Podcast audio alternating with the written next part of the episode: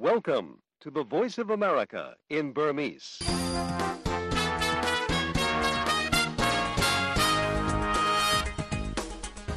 မင်္ဂလာညချမ်းပါသောရရှင်များရှင် VOA American အတန်ကနေ2024ခုနှစ်ဖေဖော်ဝါရီလ22ရက်ဗုဒ္ဓဘူးနေ့ညပိုင်း VOA မြန်မာပိုင်းစီစဉ်တွေကို American ပြည်ထောင်စု Washington DC မြို့တော်ကနေမြန်မာစံတော်ချိန်ည9:00နာရီကနေ10:00နာရီထိစတင်ထုတ်လွှင့်ပေးနေပါပြီ။ကျမတို့ရဲ့ Radio ထုတ်လွှင့်ချက်တွေကိုရုပ်သံကပါရှုစားနိုင်ကြပါပြီရှင်။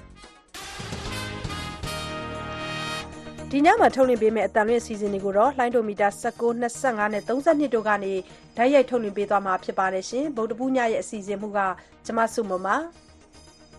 မင်္ဂလာညချမ်းပါတော်တာရှင်များရှင်ကျွန်မခင်လေးပါဒီညတဲ့ထိတ်တန်းရောက်သတင်းတွေကိုမက်ဆုမွန်နဲ့အတူပြပြပေးသွားပါမယ်ဒီညမှာထူးခြားတဲ့သတင်းတွေကတော့အစ္စရေးရဲ့လေကြောင်းတိုက်ခိုက်မှုကြောင့်ဆီးရီးယားကလူနေအိမ်တွေထိမှန်ခဲ့ပါတယ်ထွက်ပြေးလာတဲ့မြန်မာနိုင်ငံသားတွေကိုအလုလုခွင့်ပေးဖို့ထိုင်းအတိုက်ခံပါတီကလွှတ်တော်မှာအကြံပြုထားပါတယ်နေဆက်ရောက်နေတဲ့ရိုဟင်ဂျာဒုက္ခသည်တွေကိုလက်ခံဖို့ဘင်္ဂလားဒေ့ရှ်ဘက်ကညှင်းဆန်နေပါတယ်ဆိုတဲ့ထိတ်တန်းရောက်သတင်းတွေကိုပြပြပေးသွားပါမယ်ရှင်ဟုတ်ကဲ့ပါရှင်ဒီညမှာတော်ရရှင်တွေကိုတင်ဆက်ပေးမယ်နောက်ဆုံးရသတင်းပေးဖို့ချက်တွေထဲမှာဆိုရင်တော့ စကိုင်းတိုင်းဒဇယ်မြို့နယ်ကကဒူးမနယ်မြေရဲစခန်းကိုဖေဖော်ဝါရီလ21ရက်နေ့ဒီကနေ့မနက်အစောပိုင်းမှာတော့တော်လန်ရေးပူပေါင်းတပ်တွေကတိုက်ခိုက်သိမ်းပိုက်နိုင်ခဲ့ပါတယ်။ဒဇယ်မြို့နယ်ကဒူးမပေါ့စံပြကြီးရွာပေါ့ဗျာကဒူးမအဲအဲ့သိမ်းလိုက်နိုင်ပါလေ။ဒီမနက်3နာရီကနေဖြစ်တာဟိုမှာမုံလုံးလေးရှိတယ်။ကြားကြကြားဒီကိုလိုက်ပြနေတာလေရင်ထဲက ဒဇယ်ဒေသခံပြောပြပေးခဲ့တာပါရှင်ဒီသတင်းအပြည့်စုံမကြခင်မှာတင်ဆက်ပေးပါမယ်။နောက်ရှမ်းပြည်နယ်တောင်ပိုင်းဟိုပုံးမြို့နယ်ထဲမှာတော့စစ်ကောင်စီတပ်နဲ့ပအို့မျိုးသားလူမျိုးရေးတပ် PLL ကြားမှာတိုက်ပွဲတွေပြင်းထန်နေတဲ့အတွက်ဒေသခံတွေထွက်ပြေးတိမ်းရှောင်နေရပါတယ်။မဖြစ်မနေစစ်မှုထမ်းရမယ်လို့စစ်ကောင်စီကပြဋ္ဌာန်းလိုက်တဲ့ပြည်သူစစ်မှုထမ်းဥပဒေပေါ်မှာပြည်ပရောက်လူငယ်တွေရဲ့သဘောထားဒီလိုနောက်ဆုံးရသတင်းပေးပို့ချက်တွေနဲ့အပတ်စဉ်ကဏ္ဍတွေကိုတင်ဆက်ပေးမှာပါအခုရင်ဆုံးကတော့ထိတ်တဲရောက်သတင်းတွေကိုမက်ခင်လေးနဲ့ပြောပြပေးပါမယ်ရှင်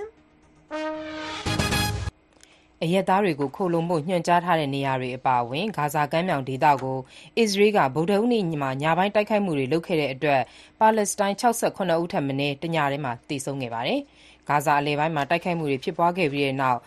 Deir al-Balah မြို့မှာရှိတဲ့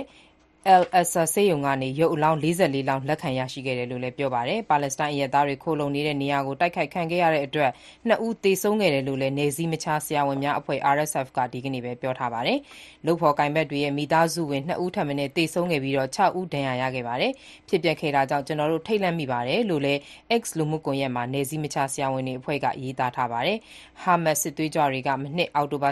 ၇ ရက်နေ့က အစ္စရေးတောင်ပိုင်းကို ဝင်ရောက်တိုက်ခိုက်ခဲ့တဲ့အတွက် လူပေါင်း ၁,၂၀၀ ခန့် သေဆုံးပြီး ၂၅၀ ခန့်ကို ဓားစာခံအဖြစ် ဖမ်းဆီးခေါ်ဆောင်သွားခဲ့တာပါ။အခုချိန်ထိ ဖမ်းဆီးထိန်းသိမ်းခံထားရတဲ့ ၁၃၀ လောက်ထဲက လေးပုံတစ်ပုံကတော့ သေဆုံးသွားပြီလို့ ယုံကြည်နေကြပါတယ်။ဂါဇာ ကျန်းမာရေးဝန်ကြီးဌာနကတော့ ဒီတိုက်ပွဲတွေကြောင့် ပါလက်စတိုင်း၂သောင်းကိုးထောင်ကျော် သေဆုံးခဲ့တယ်လို့ ခန့်မှန်းထားပါတယ်။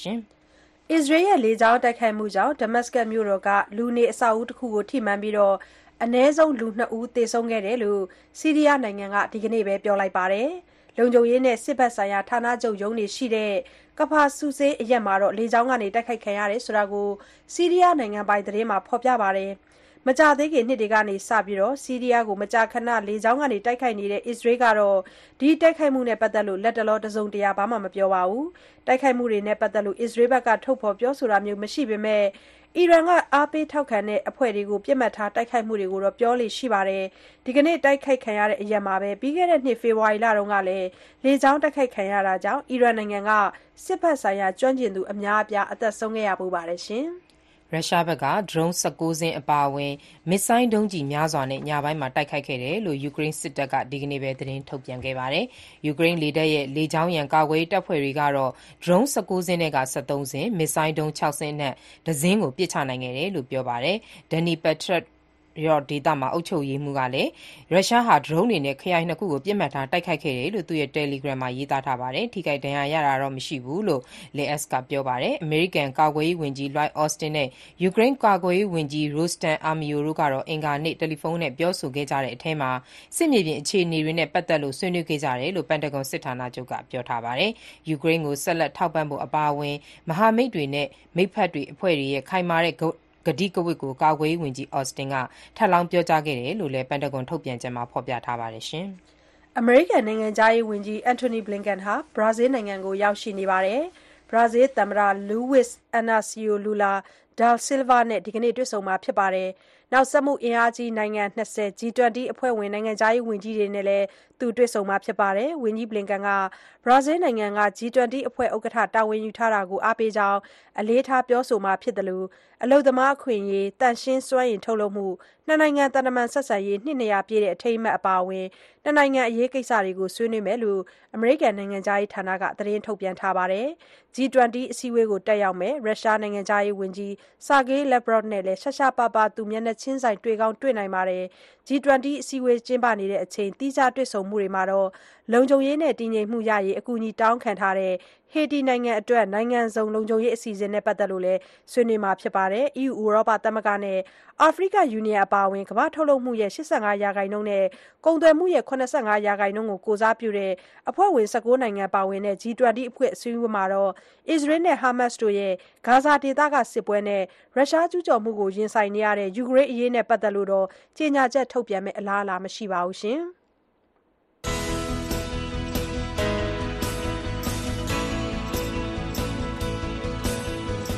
VOA အမေရိကန်အသံညဘက်မြန်မာဘာသာအစီအစဉ်တွေကိုညပိုင်း9နာရီကနေ10နာရီအထိလိုင်းဒိုမီတာ19 kHz 15553ညလိုင်းဒိုမီတာ25 kHz 11883ညလိုင်းဒိုမီတာ32 kHz 9335တို့အပြင်စနေတနင်္ဂနွေမှာလိုင်းလံမီတာ190 kHz 1505တို့ကနေထုတ်လွှင့်ပေးနေပါတယ်ခင်ဗျာဗုဒ္ဓည VOA ရဲ့ထိတ်တန့်ရောက်သတင်းတွေကိုဆက်လက်ပြောပြပေးနေပါတယ်ရှင်။ ထိုင်းနိုင်ငံထဲကို ထွက်ပြေးခိုလှုံလာတဲ့ မြန်မာနိုင်ငံသားတွေကို လူသားချင်းစာနာထောက်ထားပြီး ယာယီအလုပ်လုပ်ခွင့်ပြုဖို့ ထိုင်းအစိုးရကို ထိုင်းအတိုက်အခံပါတီ FAIR ပါတီ လွှတ်တော်အမတ် Kannavee Suebsang က အကြံပြုပြောဆိုထားပါတယ်။နှစ်နိုင်ငံသဘောတူညီချက်အရ ထိုင်းနိုင်ငံကို အလုပ်သမားတွေ စေလွှတ်တာ မြန်မာစစ်ကောင်စီက ယာယီရပ်ဆိုင်းထားတဲ့အတွက်ကြောင့် ဒီလိုရပ်ဆိုင်းတာဟာ မြန်မာနိုင်ငံရဲ့ အခြေအနေနဲ့ သက်ဆိုင်တယ် မသက်ဆိုင်ဘူး မသိရပေမဲ့ နေရပ်ပြန်ပို့ခံရမယ့် မြန်မာအလုပ်သမားတွေအတွက် အကြီးအကျယ် စိုးရိမ်ရတဲ့အကြောင်း လွှတ်တော်အမတ် Kannavee Suebsang ပြောဆိုတာကိုဘန်ကောက်ပို့စ်သတင်းစာမှာ ရေးထားပါတယ်။နှစ်နိုင်ငံနားလည်မှုသဘောတူစာချွန်လွှာအရ အရင်က မြန်မာနိုင်ငံသားတွေ နေ့စဉ် ၇၀၀ နဲ့ ၈၀၀ ကြား ထိုင်းနိုင်ငံမှာ အလုပ်လုပ်ဖို့ ရောက်လာခဲ့တာလို့လည်း သူက ပြောဆိုထားပါတယ်။စစ်ကောင်စီထုတ်ပြန်တဲ့ အရွယ်ရောက်သူတွေ စစ်မှုမထမ်းမနေရ အမိန့်ကြောင့် ထိုင်းနိုင်ငံထဲကို မြန်မာနိုင်ငံသားတွေ အများအပြား ဝင်ရောက်ဖို့ ကြိုးစားနေချိန်မှာပဲ ထိုင်းအတိုက်အခံအမတ်ရဲ့ ပြောဆိုချက် ထွက်ပေါ်လာတာလည်း ဖြစ်ပါတယ်။ထိုင်းဝန်ကြီးချုပ် Srettha Thavisin ကတော့ ထိုင်းနိုင်ငံထဲကို တရားမဝင် ဝင်ရောက်တဲ့ မြန်မာနိုင်ငံသားတွေကို အရေးယူမယ်လို့ သတိပေး ပြောဆိုထားပါတယ်။လွှတ်တော်အမတ် Kannavee Suebsang ကမြန်မာနိုင်ငံသားတွေဟာ ထိုင်းနိုင်ငံကို တရားမဝင် ဝင်ရောက်လာတာ မဟုတ်တဲ့အကြောင်းနဲ့ စစ်ပွဲတွေကြားက အသက်လု ပြေးလာရသူတွေ ဖြစ်တဲ့အကြောင်း၊စစ်မှုမထမ်းမနေရ ဥပဒေကို ရှောင်ရှားဖို့ ရောက်လာတာဖြစ်ပြီး လူသားချင်းစာနာမှုအရ ထည့်သွင်းစဉ်းစားဖို့လည်း ထိုင်းအစိုးရကို တိုက်တွန်းနေပါတယ်။ရခိုင်ပြည်နယ်မှာ တိုက်ပွဲတွေ ပိုမိုပြင်းထန်လာနေတာကြောင့် နောက်ထပ် တိမ်းရှောင်လာကြမယ့် ရိုဟင်ဂျာတွေကို လက်ခံပေးဖို့ ဘင်္ဂလားဒေ့ရှ်ကို ဖိအားပေးမှုတွေ ပိုတိုးလာနေပေမဲ့ အိမ်နီးချင်းဘင်္ဂလားဒေ့ရှ်နိုင်ငံကတော့လက်မခံဘဲငြင်းဆန်နေပါတယ်။စစ်ကောင်စီတပ်နဲ့ AA ရက္ခိုင့်တပ်တော်တို့ကြားတိုက်ပွဲတွေပြင်းထန်နေတာကြောင့်နယ်စပ်မှာရောက်နေတဲ့ရာနဲ့ချီတဲ့ရိုဟင်ဂျာတွေကိုဘင်္ဂလားဒေ့ရှ်ကလက်ခံဖို့တိုက်တွန်းနေကြတာဖြစ်ပါတယ်။ စစ်ရေးပဋိပက္ခတွေကြားကထွက်ပြေးတိမ်းရှောင်လာကြတဲ့ အမျိုးသမီးတွေနဲ့ ကလေးငယ်တွေ အပါအဝင် အရပ်သားပြည်သူတွေကို ဘေးကင်းလုံခြုံရာမှာ ခိုလှုံခွင့်ပေးဖို့ အရေးကြီးကြောင်း ဒုက္ခသည်များဆိုင်ရာ ကုလသမဂ္ဂ မဟာမင်းကြီးရုံး UNHCR ရဲ့ ဘင်္ဂလားဒေ့ရှ်နိုင်ငံဆိုင်ရာ ပြောခွင့်ရ Mostafa Mohammad Sazzad Hossain ကို ကိုးကားပြီး Nikkei Asia သတင်းမှာ ဖော်ပြပါတယ်။သူတို့ကို လက်ခံဖို့ ငြင်းဆန်မယ်ဆို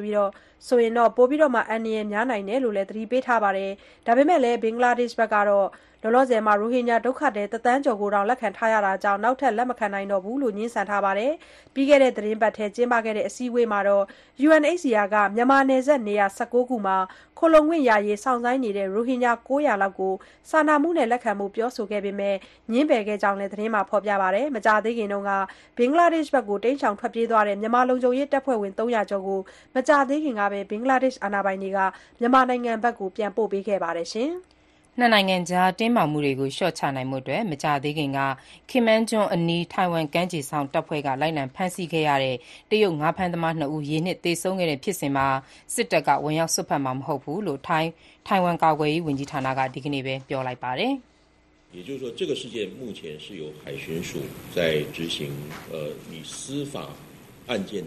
ဒီဖြစ်ရပ်ကို ကမ်းခြေစောင့်တပ်ဖွဲ့က ကိုင်တွယ်ပြီးတရားဥပဒေအတိုင်း ဆောင်ရွက်သွားမှာပါ။ ပြပြည်တွင်းတင်းမာမှုတွေ တိုးမြင့်လာတာကို ရှောင်ရှားဖို့ နိုင်ငံတော်ကာကွယ်ရေးဝန်ကြီးဌာနက တိုက်ရိုက်စွက်ဖက်မှာ မဟုတ်ပါဘူး။ထိုင်ဝမ်ကာကွယ်ရေးဝန်ကြီးဌာနက ပြောရေးဆိုခွင့်ရှိသူ Sunny Phan က ပြောသွားတာပါ။ဖေဖော်ဝါရီလ ၁၄ ရက်နေ့က ထိုင်ဝမ်က ကန့်သတ်နယ်မြေအဖြစ် တောင်းဆိုထားတဲ့ ကင်မန်မြို့ကနေ ရေမိုင်တမိုင်ခန့်အကွာမှာ လူလေးဦး တင်ဆောင်လာတဲ့လှေကို ကမ်းခြေစောင့်တပ်ဖွဲ့တွေက လိုက်လံဖမ်းဆီးခဲ့တာပါ။အင်္ဂါနေ့ကတော့ သေဆုံးသူတွေရဲ့ ဆွေမျိုးတွေက ရိုးရာဈာပနအခမ်းအနား ကျင်းပဖို့ ကင်မန်မြို့ကို ရောက်ရှိလာကြသလို အသက်ရှင်ကျန်ရစ်သူနှစ်ဦးကိုလည်း တရုတ်ပြည်မကြီးကို ပြန်ပို့ခဲ့ပါတယ်။ထိုင်ဝမ် ကမ်းခြေစောင့်တပ်ကတော့ငါးဖမ်းသမားတွေ ပိုင်နက်ကျူးလွန်တယ်လို့ စွပ်စွဲထားပါတယ်။တန်ငါသည်တွေ သေဆုံးခဲ့ရတဲ့အတွက် ထိုင်ဝမ်အာဏာရ ဒီမိုကရက်တစ် တိုးတက်ရေးပါတီကို တရုတ်အစိုးရက အပြစ်တင်ခဲ့ပါသေးတယ်ရှင်။တရုတ်နိုင်ငံမှာ သူလျှိုမှုနဲ့ ဆိုင်းငံ့သေဒဏ် ပြစ်ဒဏ်ပေးခံထားရတဲ့ တရုတ်လူမျိုး ဩစတြေးလျနိုင်ငံသား စာရေးဆရာရဲ့ မိသားစုက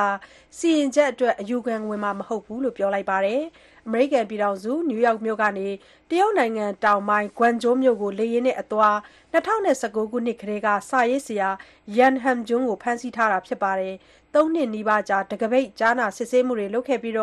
ဒီလဆန်းပိုင်းမှာပဲ ဘေကျင်းမြို့တော်ကနေ သူ့ကို ဆိုင်းငံ့သေဒဏ် စီရင်ချက်ချခဲ့တာဖြစ်ပါတယ်။ငါးနှစ်ကျော်ကြာ လူမဆန်စွာ ဆက်ဆံခဲ့ရပြီးတဲ့နောက် လုံလောက်တဲ့ ဆေးဝါးကုသမှုရဖို့ လိုအပ်နေချိန်မှာပဲ ကြန့်ကြာမှုတွေ ဖြစ်နေတာကြောင့် အယူခံမဝင်ဖို့ Yan ကိုယ်တိုင်ဆုံးဖြတ်ခဲ့တာလို့သူ့ရဲ့မိသားစုနဲ့မိတ်ဆွေတွေကဒီကနေ့ပဲကြေညာချက်ထုတ်ပါတယ်။သူဟာဖမ်းဆီးခံထားရပြီးတဲ့နောက်ပြင်းထန်တဲ့ကျောက်ကပ်ရောဂါခံစားနေရပါတယ်။မတရားချမှတ်ခဲ့တဲ့စီရင်ချက်ကိုအယူခံနဲ့ပြင်ဆင်နိုင်လိမ့်မယ်လို့ Yan ကိုယ်တိုင်ကယုံကြည်မှုမရှိဘူးလို့ကြေညာချက်မှာဖော်ပြထားပါတယ်။တရုတ်နိုင်ငံမှာဆိုင်းငံ့သေဒဏ်စီရင်ချက်ကျခံရသူတွေကိုထောင်တွင်းမှာနှစ်နှစ်ကြာကောင်းကောင်းမွန်မွန်နေထိုင်တယ်ဆိုရင်ထောင်ဒဏ်တသက်တကျွန်းအဖြစ်လျှော့ပေါ့ပေးလေ့ရှိပါတယ်။ Direct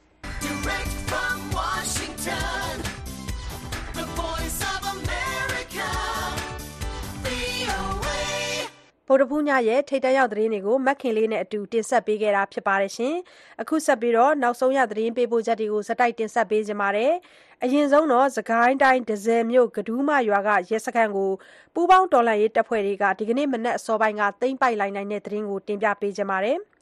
စကိုင်းတိုင်းဒဇယ်မြို့နယ်ကကဒူးမနယ်မြေရဲစခန်းကိုဖေဖော်ဝါရီလ21ရက်နေ့ဒီကနေ့မနက်အစောပိုင်းမှာတော်လှန်ရေးပူးပေါင်းတပ်တွေက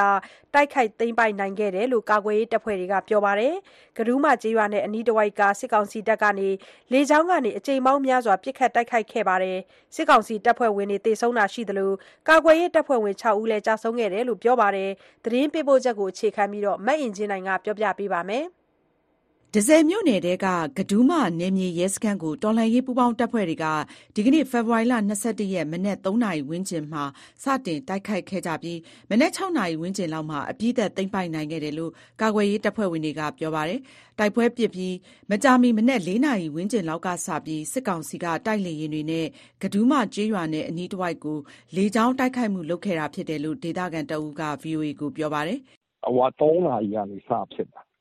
တန့်ဆည်မြို့နယ်ကဒူးမပေါ့။စံပြကျေးရွာပေါ့ဗျာကဒူးမ။အဲဒါသိမ်းလိုက်နိုင်ပါတယ်ဗျ။ကဒူးမစခန်းတော့မီးရှို့ပစ်လိုက်ပြီ။အခြေအနေတော်တော်ကိုများတယ်။မနက်မိုးလင်းတဲ့အထိမနက်၃နာရီကနေဖြစ်တာမိုးလင်းတဲ့အထိပဲ။မိုးလင်းတဲ့အထိကြိုကြားကြိုကြားအထိကိုလိုက်ပစ်နေတာလေယာဉ်နဲ့က။သူတို့လာပြီးတော့ကြဲတဲ့အချိန်ကျတော့လုပ်ပါပြီ။လေးခွန်းနားလောက်ရှိပြီ။အဲဒီကနေတရစပ်ပစ်နေတာပဲ။နှစ်စီးနဲ့ပဲတစီးပြီးတစီး။ ကဒူးမနယ်မြေရဲစခန်းကို တော်လှန်ရေးပူးပေါင်းတပ်ဖွဲ့ဝင်တွေ မတိုက်ခိုက်ခင် တပတ်လောက်အလိုကတည်းက ကျေးရွာအတွင်း ဒေသခံတွေ တိမ်းရှောင်ကြဖို့ တိုက်တွန်းထားခဲ့တယ်လို့ ကာကွယ်ရေးအဖွဲ့ဝင်တွေက ပြောပါတယ်။ဒါပေမယ့် တိုက်ပွဲဖြစ်ချိန်မှာ ရွာအတွင်းမှာ ဒေသခံတချို့ ရှိနေသေးပြီး စစ်ကောင်စီရဲ့ လေကြောင်းတိုက်ခိုက်မှုကြောင့် ဒေသခံ ဘယ်လောက် ထိခိုက်ဒဏ်ရာရခဲ့သလဲဆိုတာတော့ အတိအကျ မသိရသေးဘူးလို့ ပြောပါတယ်။ စစ်ကောင်စီက ကဒူးမကျေးရွာကို အဓိက လေကြောင်းကနေ တိုက်ခိုက်ခဲ့ပြီး အဲဒီကျေးရွာနဲ့ အနီးဝန်းကျင်က ကာကွယ်ရေးတပ်ဖွဲ့တွေ ရှိနေနိုင်တယ်လို့ ယူဆတဲ့ ရွာတွေကိုပါ လေကြောင်းကနေ ဗုံးကြဲတိုက်ခိုက်ခဲ့တာဖြစ်တယ်လို့ ဒေသခံတွေက ပြောပါတယ်။ကဒူးမနယ်မြေရဲစခန်းမှာ အင်အား ၅၀ ဝန်းကျင်ရှိပြီး ဒီကနေ့ တိုက်ပွဲမှာ စစ်ကောင်စီဘက်က ၃၀ ဝန်းကျင် သေဆုံးခဲ့တယ်လို့ ဆိုပါတယ်။ ကျန်တဲ့ စစ်ကောင်စီတပ်သားတွေက လက်နက်တွေကို သိမ်းဆည်းပြီး ဆုတ်ခွာသွားခဲ့တာဖြစ်တယ်လို့ ဆိုပါတယ်။တော်လှန်ရေးပူးပေါင်းတပ်ဖွဲ့တွေဘက်ကလည်း ၆ ဦးကျဆုံးပြီး ၁၀ ဦးဝန်းကျင် ထိခိုက်ခဲ့တယ်လို့ ဒေသခံက ပြောပါတယ်။။အဲဒီဘက်ကတော့ ၃၀ လောက်ကျတယ်။ကျနော်တို့ဘက်က အထိအခိုက်ရှိတယ်ဗျ။အထိအခိုက်ရှိတယ်ဆိုတာ မများပါဘူး။အထိအခိုက်က ဒဏ်ရာရ ရဲဘော်10ယောက်လောက်ရယ်ကြာလာတာ ကျွန်တော်တို့ဘက်က6ယောက်လောက်ဖေဖော်ဝါရီလ14ရက်နဲ့15ရက်နေ့တွေကလည်း ကဒူးမကျေးရွာအနီးတစ်ဝိုက်မှာ တိုက်ပွဲဖြစ်ပွားတာမရှိဘဲ စစ်ကောင်စီဘက်က လေကြောင်းကနေပုံကျဲတိုက်ခိုက်ခဲ့တာကြောင့် ဒေသခံတချို့ ထိခိုက်ဒဏ်ရာရခဲ့ပါတယ်။ ကဒူးမကျေးရွာအပါအဝင် အနီးဝန်းကျင် ကျေးရွာအတော်များများက ဒေသခံတွေလည်း စစ်ကောင်စီရဲ့ လေကြောင်းတိုက်ခိုက်မှုတွေကြောင့် ဘေးလွတ်ရာကို တိမ်းရှောင်ထွက်ပြေးနေကြရပါတယ်။ဒဇယ်နဲ့ ရေဦးကြား ကျေးရွာတွေနဲ့ဒဇယ်မြို့တောင်ဘက်က ကျေးရွာတွေကို စစ်ကောင်စီက စစ်ကြောင်းနှစ်ကြောင်းနဲ့ ဖေဖော်ဝါရီလ19ရက်နေ့ကတည်းက စတင် ထိုးစစ်ဆင်လာတာကြောင့် ဒေသခံ9000ဝန်းကျင်လောက် စစ်ဘေးရှောင်နေကြရပါတယ်ရှင်။ ဒါကတော့တဇယ်မြို့ကရူးမရွာကရဲစခန်းကိုတော်လှန်ရေးအဖွဲ့တွေဒီကနေ့မနေ့အစောပိုင်းကသိမ်းပိုက်လိုက်တဲ့သတင်းကိုမအင်ဂျင်နိုင်တင်ပြပေးခဲ့တာဖြစ်ပါတယ်ရှင်။ဆက်ပြီးတော့ရှမ်းပြည်နယ်တောင်ပိုင်းဟိုပုံးမှာ တိုက်ပွဲပြင်းထန်လို့ဒေသခံတွေဘေးကင်းရာကိုတိမ်းရှောင်နေရတဲ့အခြေအနေကိုပြောပြပေးချင်ပါတယ်။ရှမ်းပြည်နယ်တောင်ပိုင်းဟိုပုံးမြို့နယ်အတွင်းမှာစစ်ကောင်စီတပ်နဲ့ပအို့အမျိုးသားလွတ်မြောက်ရေးတပ် PNL အကြားနှစ်ရက်ဆက်တိုက်တိုက်ပွဲတွေဖြစ်ပွားနေပြီးတော့ကျေးရွာတချို့ကလက်နက်ကြီးကြီးကြမှာကိုစိုးရိမ်ပြီးတော့တိမ်းရှောင်တာတွေရှိနေပါတယ်။တိုက်ပွဲကြောင့်ဟိုပုံးနဲ့မိုင်းပွန်အကြားမှာ ကားလမ်းကို အချိန်ပိုင်းပိတ်ခဲ့တာကြောင့် ကားအစီး200လောက် ပိတ်မိခဲ့သလိုစီဆိုင်မြို့နယ်ဘက်မှာလည်း လက်နက်ကြီးပစ်ခတ်တာတွေ ရှိနေပါတယ်။ရှမ်းပြည်နယ်တောင်ပိုင်းက စစ်ရေးနောက်ဆုံးရအခြေအနေတွေသတင်းပေးပို့ချက်ကို အခြေခံပြီး ကိုဇော်ဝင်းလှိုင်ပြောပြပေးပါမယ်။ရှမ်းပြည်နယ်တောင်ပိုင်း ပအို့ကိုယ်ပိုင်အုပ်ချုပ်ခွင့်ရဒေသစီဆိုင်မြို့နယ်အတွင်းဖြစ်ပွားတဲ့ စစ်ရေးပဋိပက္ခတွေ တလနီးပါးကြာမြင့်လာချိန်မှာ တိုက်ပွဲတွေဟာ ဟိုပုံးမြို့နယ်ဘက်အထိ ကျယ်ပြန့်လာနေပါတယ်။ လတ်တလောဟိုပုံးမြို့နယ်အတွင်း တိုက်ပွဲတွေ ဖြစ်ပွားနေတာကို ဒေသခံတဦးက VOA ကို အခုလို ပြောပြပါတယ်။။ဆန်ဆန်းကူရဲ့အပေါ်ပုံးအဲမှာပုံးအဲမှာ မနေ့ကလေးက ဖြစ်တယ် ဒီမနေ့လည်း ထပ်ဖြစ်တယ်။ဒီနေ့ကကျတော့ဇော်ပိုင်းတော့ကမိုင်းပေါ်ရဲ့ အမြောက်ဘက် ခင်းမင်းရွာရယ်ဝမ်ဆလောင်းရယ် ဟိုပါတော့အဲ့မှာ တရွာရှိတယ် အဲ့ဒီနတ်ဘော်ခမ်းနတ်ဘော်ခမ်း ခင်းမင်းရဲ့တောင်ဘက်နားမှာ အဲ့ဒီကြောမှာတော့ တိုက်ပွဲတော့ မဖြစ်ဘူး အဲ့ဒီဟိုစစ်တပ်ကတော့ လက်နဲ့ကြီးနေနေထုနေတာ တချို့ဟိုဒေသခံတွေကတော့ပြောင်းလာရွှေ့လာတော့ရှိနေတယ်ခုတော့ကျွန်တော်ကြားတာကတော့20ရက်နေ့ကလေးကကျွန်တော်တို့ဒီမိုင်းပေါ်တရားတစ်ချိန်ပိတ်တယ်ဒီနေ့လည်းတစ်ချိန်ထပ်ပိတ်ပြီဒီကနေ့တိုက်ပွဲဖြစ်ပွားတာကြောင့်စစ်ကောင်စီနဲ့ PNA ပြည်သူ့စစ်ကဟိုပုံးနဲ့မိုင်းပွန်အကြားမှာမော်တော်ယာဉ်အသွားအလာတွေကိုပိတ်ခဲ့ပါတယ်။တောင်ကြီးလွိုင်လင်မော်တော်ယာဉ်လိုင်းကတာဝန်ရှိသူတဦးကတော့နေ့ခင်းတနာရီလောက်ကစပိတ်ခဲ့ကြောင်းပြောပါတယ်ဟုတ်တယ်ဗျပိတ်ပိတ်တယ်ဗျဟုတ်လွန်ခဲ့တဲ့နှစ်နာရီလောက်ကစပိတ်တယ်ဗျ တိုက်ပွဲဖြစ်တယ်လို့ပြောလို့ပိတ်ရတာဗျဟိုပုံးနဲ့အဲမိုင်းပွင့်ကြားလို့ပြောတယ်ဗျမိုင်းပွင့်တကားပိတ်တယ်ဒီကအဲဟိုပုံးကစာကြီးပိတ်တယ်ဗျ။လမ်းပိတ်လိုက်တာကြောင့်တောင်ကြီးကျိုင်းတုံပြည်ထောင်စုကားလမ်းမှာသွားလာနေတဲ့မော်တော်ယာဉ်အစီး200လောက်ပိတ်မိနေခဲ့ကြောင်းနဲ့ညနေ3နာရီခွဲလောက်မှာတော့မိုင်းပွန်မြို့နယ်ထဲကိုစဝင်ခွင့်ပြုခဲ့ကြောင်းလမ်းခီးမှာပိတ်မိနေသူတဦးကပြောပါတယ်။တောင်ကြီးနေလာမိုက်ပုံမြုပ်ဝင်တော့တနာရီကနေပိတ်မိနေတာဗျအဲ့ဒါတိုက်ပွဲပေါ့နော်တိုက်ပွဲတော့လက်လက်ကြီးတယ်လမ်းထူတာ ဟိုတောင်ထူလိုက်ဒီတောင်ထူလိုက်တောင်ပေါ်ပဲထူကြတာဒါနဲ့ကနအငယ်တော့မကြားရဘူးကျွန်တော်တို့ဒီကြားရက်နေတဲ့နေရာမှာလမ်းကြည့်လိုက်ရင်လမ်းမြည်တယ်အဲ့မှာသုံးပြီးတွေကြားတဲ့နေရာဆိုရင်အဲ့မှာမီးတွေလောင်သွားတယ်မြို့ထဲကနေလက်လက်ကြီးနဲ့လမ်းထူတာတင်တယ်ကြီးရတဲ့ပေါ်ကအော်ဟိုကတစ်ဖက်ပဲထူနေရလေကွင်းဆက်ကတော့မနေ့ကဖြစ်တဲ့ပွဲကွင်းဆက်တယ်ဒီလမ်းပေါ်မှာတော့ပိတ်မိနေတဲ့ဒီကားသမားတွေအသိနေရကျော်တော့ရှိတယ်တကယ်အခုတော့ကားတွေပြန်ဖြစ်နေပြီဟိုမိုက်ကိုမြို့ထဲပြန်ဝင်နေတာ ကားလမ်းကို တောင်ကြီးဘက်ကလာရင် ဟိုပုံးရေထွက်တနေရာမှာလည်း ပိတ်ခဲ့ကြောင်းနဲ့ ကျိုင်းတုံဘက်ကလာရင် လွိုင်လင်မှာလည်း ပိတ်ခဲ့ကြောင်း ပြောပါတယ်။ပအိုမျိုးသားလွတ်မြောက်ရေးတပ် PNLA ကတော့ အင်္ဂါနေ့က သူတို့စစ်ကြောင်းကို စစ်ကောင်စီနဲ့ အပေါင်းပါတပ်တွေက ဟိုပုံးမြို့နယ်အတွင်းမှာ တိုက်ခိုက်တာကြောင့် မနက် ၁၁ နာရီကနေ ညနေ ၅ နာရီအထိ တိုက်ပွဲဖြစ်ပွားခဲ့ကြောင်းနဲ့ တိုက်ပွဲအပြီး ရှင်းလင်းစဉ်မှာ စစ်ကောင်စီနဲ့ ပြည်သူ့စစ်အလောင်း ၅ လောင်းနဲ့ လက်နက် ၄ လက် သိမ်းဆည်းရမိခဲ့ကြောင်း သတင်းထုတ်ပြန်ပါတယ်။ စစ်ကောင်စီနဲ့ PNA ပြည်သူ့စစ်တပ်ဖွဲ့တွေနဲ့ PNLA အကြားမှာ ပြီးခဲ့တဲ့ ဇန်နဝါရီလ ၂၁ ရက်နေ့က ဟိုပုံးမြို့နယ် စံဖူးရွာမှာ တိုက်ပွဲ စတင်ဖြစ်ခဲ့တာပါ။အဲဒီနောက် PNLA နဲ့ မဟာမိတ်အဖွဲ့တွေက ဆီဆိုင်မြို့ကို သိမ်းယူခဲ့တဲ့နောက် တိုက်ပွဲတွေ နေ့စဉ်ဆိုသလို ဖြစ်ပွားနေခဲ့ပြီး အခုဆိုရင် တိုက်ပွဲတွေဟာ ဟိုပုံးနဲ့ မိုင်းပွန်ဘက်တွေအထိ ဖြစ်ပွားလာနေတာဖြစ်ပါတယ်။ဒီကနေ့မှာလည်း ဆီဆိုင်မြို့နဲ့ လွယ်ပွတ်ရွာဘက်ကို လက်နက်ကြီးနဲ့ ပစ်ခတ်တာတွေ ရှိနေဆဲဖြစ်ပါတယ်။ လက်ရှိ ရှမ်းပြည်နယ်တောင်ပိုင်းမှာ ဖြစ်ပွားတဲ့ တိုက်ပွဲတွေနဲ့ပတ်သက်ပြီး စစ်ကောင်စီဘက်က သတင်းထုတ်ပြန်တာတော့ မရှိသေးပါဘူး။ဒီလ ၁၉ ရက်နေ့က ဆီဆိုင်မြို့ကို ပစ္စည်းပြန်သယ်ယူတဲ့ ယာဉ်တန်းကို စစ်ကောင်စီက လက်နက်ကြီး၊ဒရုန်းနဲ့ ပစ်ခတ်တာကြောင့် အရပ်သား ၇ ယောက် သေဆုံးခဲ့ကြောင်း ဖော်ပြတဲ့ ခေတ်သစ်မီဒီယာရဲ့ သတင်းကိုတော့ သတင်းမှားဖြစ်ကြောင်း ဒီကနေ့ထုတ် နိုင်ငံပိုင်သတင်းတွေမှာ ဖော်ပြထားပါတယ်ခင်ဗျာ။ ဒါကတော့ ရှမ်းပြည်နယ်တောင်ပိုင်း ဟိုပုံးမှာ တိုက်ပွဲပြင်းထန်နေလို့ ဒေသခံတွေ ဘေးကင်းရာကို တိမ်းရှောင်နေရတဲ့ အခြေအနေ ကိုဇော်ဝင်းလှိုင်ပြောပြပေးခဲ့တာပါရှင်။ဆက်ပြီးတော့နယ်စပ်ကုန်သွယ်ရေးတွေ ပြန်ပြီးစတင်နိုင်မှုအရေး ယူနန်ပြည်နယ်အစိုးရနဲ့ စစ်ကောင်စီခေါင်းဆောင် ဆွေးနွေးတဲ့သတင်းကို တင်ပြပေးကြပါမယ်။ စစ်ပွဲတွေကြောင့်ရပ်တန့်သွားတဲ့ ရှမ်းပြည်နယ်မြောက်ပိုင်းက မူဆယ်105မိုင် ကုန်သွယ်ရေး အပါအဝင် မြန်မာနဲ့ တရုတ် နှစ်နိုင်ငံ ကုန်စည်စည်းစိမ်မှုတွေ ပြန်ပြီးစတင်နိုင်ရေး တရုတ်နိုင်ငံ ယူနန်ပြည်နယ် အစိုးရအဖွဲ့နဲ့ မြန်မာစစ်ကောင်စီတို့ မနေ့ အင်္ဂါနေ့တုန်းကနေပြည်တော်မှာ တွေ့ဆုံဆွေးနွေးခဲ့ကြပါတယ်။ဒါပေမဲ့လည်း နယ်စပ်မှာ နယ်မြေစိုးမိုးထားတဲ့ တိုင်းရင်းသားတွေနဲ့ စစ်ကောင်စီတို့ကြား ညှိညှိနှိုင်းနှိုင်းနဲ့ ကုန်သွယ်ရေးပြန်ဆဖို့ဆိုတာကတော့လက်တလုံးမှာ မဖြစ်နိုင်သေးဘူးလို့ နယ်စပ်က လုပ်ငန်းရှင်တွေက သုံးသပ်ပါတယ်။သတင်းပေးပို့ချက်ကို အခြေခံပြီး ကိုငင်းချမ်းပြောပြပေးပါမယ်။မြန်မာနဲ့ နယ်စပ်လုံခြုံရေး ပူးပေါင်းဖို့အပါအဝင် ကုန်သွယ်ရေးပြန်စနိုင်ဖို့အတွက် တရုတ်နိုင်ငံ ယူနန်ပြည်နယ် အုပ်ချုပ်ရေးမှူးမစ္စတာဝမ်ယူပိုနဲ့တန်တမန်အဖွဲ့ဟာ ဖေဖော်ဝါရီလ20ရက်နေ့က မြန်မာစစ်ကောင်ဆောင်နဲ့ တွေ့ဆုံခဲ့ပါတယ်။ဒီလိုတွေ့ဆုံတာမှာ ယူနန်ပြည်နယ်ဘက်က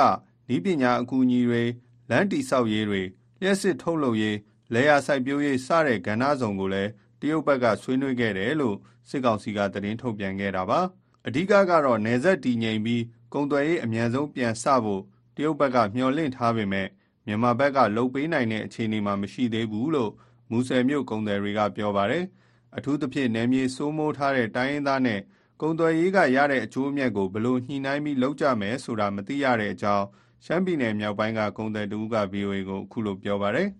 ဟိုမူဆယ်ကနေပြီးတော့ အဲ့လိုဖွင့်တယ်ဆိုလို့ရှိရင်ပိုကန်အဖွဲ့ရှိတယ် ပလောင်ရှိတယ်အေအေရှိတယ်တချီရှိတယ်ဟိုတမတော်ရှိတယ် လမ်းရှိရဖွင့်လာရင်တော့မှဟိုအရင်လိုတော့ ပြန်ဖြစ်ဖို့တော့ မဖြစ်နိုင်သေးဘူးပေါ့နော် စစ်ဆေးမှုတွေ နောက်ပြီးဟိုမလွန်တင်ကားမှုတွေ အများကြီးဆက်လာနိုင်ကြနေတော့ဒါပေမဲ့ဒီနယ်ဒီနယ်အောက်ချုပ်ရင်းမှုကလည်းပြည်စုံညီနိုင်နေတယ်ဆိုတော့ အဲ့ဒီကိစ္စလာမသိဘူးပေါ့နော် အဓိကနေရာ105မိုင်ကစူပေါင်းဆက်ဆင်းဆက်လာတယ်အခေါ်ဟုတ်ကိုတောင်းကြတယ်ဘယ်လိုယူဒါတွေကဟိုမဖြစ်နိုင်ဘူးဆိုတာမရှိနေတယ်ဖြစ်နိုင်ဖို့လည်း သိတော့ မလို့ဖြစ်တာပဲပေါ့နော်။တရုတ်နယ်စပ်က မန်စီမြို့ကို ကချင် KIA နဲ့ ပူးပေါင်းတပ်ဖွဲ့တွေက တနင်္လာနေ့က သိမ်းပိုက်လိုက်ပါတယ်။အလားတူပဲ ရှမ်းပြည်နယ်မြောက်ပိုင်းက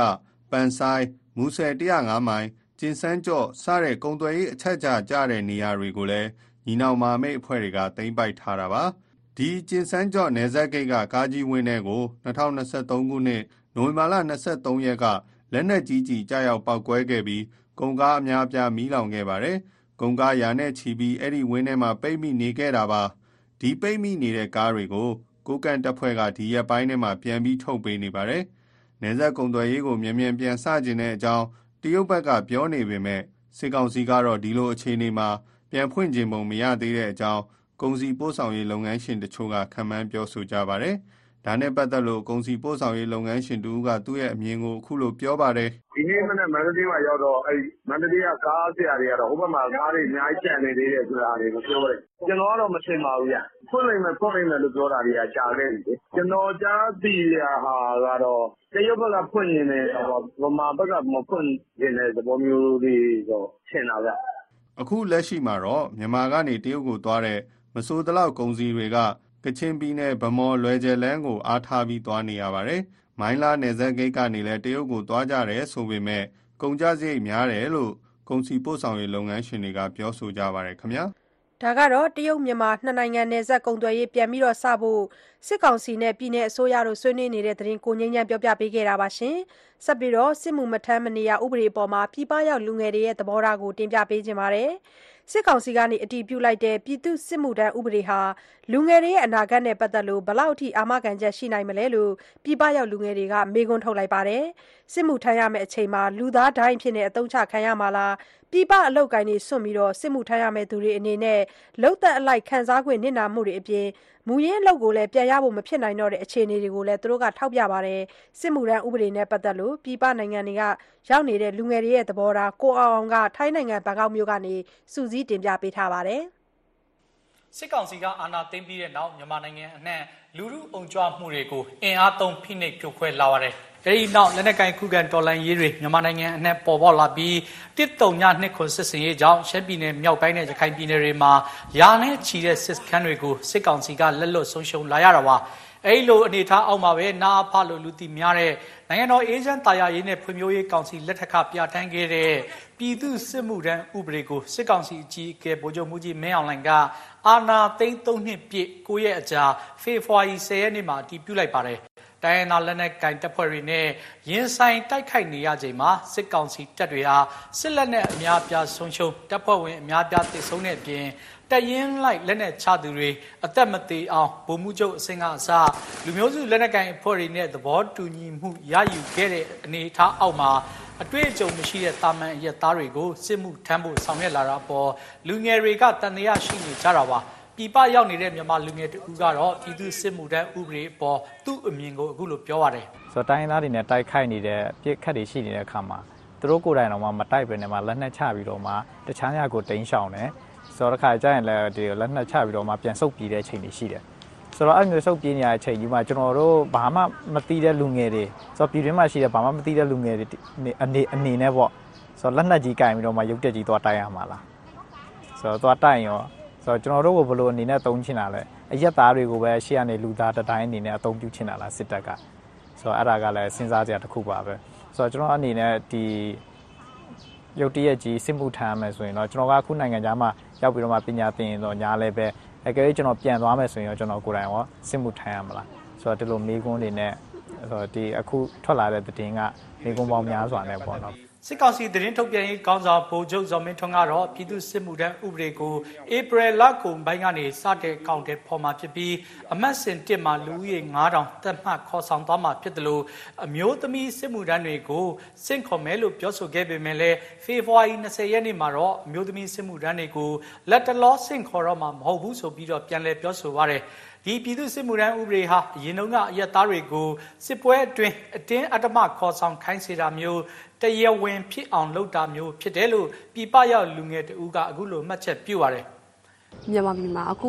ပေါ့နော်မဖြစ်မနေစိမှုထမ်းရမယ်ဆိုတာပေါ့နော်အဲအဲ့ဟာကိုကြားရတဲ့အချိန်မှာဆိုကျွန်မစိတ်ထဲမှာဆိုရင်အရန်လန့်တော့ပေါ့နော်ဒီမြန်မာပြည်မှာကြံကြံနေခဲ့တဲ့ အော်လူငယ်တွေအတွက်ကိုလည်းအရန်စိတ်မကောင်းဖြစ်တယ်ပြီးတော့ဘာကိုတတိယမိသွားလဲဆိုတော့အရင်တစ်ခေတ်တစ်ခါတော့ကိုယ့်ရဲ့အဖေတွေအဖိုးတို့ခေတ်ကပေါ်တာဆွဲတဲ့ဟာနဲ့ပြန်ပြီးတော့မြောင်မိတယ်ပေါ့နော်အဲအခက်အခါတော့ကျတော့တရားမဝင်ပေါ်တာဆွဲတာဒါပေမဲ့အခုကျတော့တရားဝင်ပေါ်တာဆွဲတယ်လို့မျိုးပေါ့အဲ့လိုခံစားရတယ် ဥပဒေမှာတာမန်အယက်သားအမျိုးသား18နှစ်ကနေ35နှစ်နဲ့ကျွမ်းကျင်ပညာရှင်တွေဆိုရင်18နှစ်ကနေ45နှစ်အထိစစ်မှုထမ်းဖို့အကျုံးဝင်ပါတယ်စစ်ကောင်စီဘက်ကတော့ဒီဥပဒေဟာဒို့တာဝန်အရေး၃ပါးကိုစောင့်ထိန်ကာကွယ်ဖို့အတွက်ဖြစ်ပြီးစစ်မှုထမ်းကာလကိုနှစ်နှစ်သတ်မှတ်ထားပါတယ်အရေးပေါ်အခြေအနေမျိုးဆိုရင်9နှစ်အထိတက်တန်းတိုးနိုင်ပြီးစစ်မှုထမ်းဖို့ညှင်းဆိုရင်ထောင်ဒဏ်9နှစ်အထိချမှတ်နိုင်ကြောင်းဥပဒေမှာပြဋ္ဌာန်းထားပါတယ်မြန်မာနိုင်ငံမှာစစ်မှုထမ်းဖို့အကျုံးဝင်သူ အမျိုးသားဥယေ6.3တသမ3သန်းလောက်ရှိတယ်ဆိုပြီးတော့လည်းဖော်ပြထားပါတယ်အမှန်တကယ်စစ်တပ်ထဲမှာစစ်မှုထမ်းမှုကြုံလာမယ်ဆိုရင်တော့တကယ်တကယ်အဲ့ဒီအခြေအနေနဲ့ကျွန်မကြုံတွေ့ရခဲ့မယ်ဆိုရင်ဆိုသူတို့သူတို့ရဲ့စိတ်သားတွေကိုကျွန်မဝင်ဖြစ်မှာလုံးဝမဟုတ်ဘူးနော်100%ကျွန်မဝင်မှာမဟုတ်ဘူးကျွန်မတို့မှာအခုက PDF တွေရှိတယ်အခြားအဖွဲ့အစည်းတွေအများကြီးရှိတယ်သူတို့ပြန်ပြီးတော့ခုခံတော်လန်နေတဲ့အဖွဲ့အစည်းတွေရှိပါတော့အဲအဲ့အဖွဲ့အစည်းတစ်ခုခုထဲကိုပဲကျွန်မဝင်ဖြစ်မယ်လို့ယုံကြည်လို့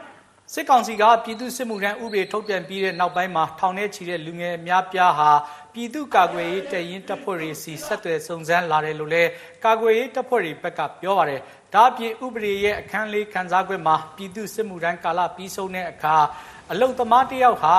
မူလထမ်းဆောင်ခဲ့တဲ့အလုတ်ကိုင်းဒါမှမဟုတ်အလားတူအလုတ်ကိုင်းတွေကိုအလုတ်ရှင်ကပြန်လဲပြီးတော့ခန့်အပ်ပေးရမယ်ဆိုပြီးတော့ဖော်ပြထားပါတယ်။ဒါဟာပြည်တွင်းအလုတ်သမားတွေအနေနဲ့အဆင်ပြေစေနိုင်ပေမဲ့လည်းနိုင်ငံရဲ့ချားမှာအလုတ်လုတ်ကိုင်းနေသူတွေအတွက်တော့အခက်အခဲတွေရှိနိုင်ပါတယ်။ဒီအခက်အခဲနဲ့ပတ်သက်လို့ပြည်ပမှာအလုတ်လုတ်ကိုင်းသူမြန်မာလူငယ်တဦးကအခုလိုပြောပါတယ်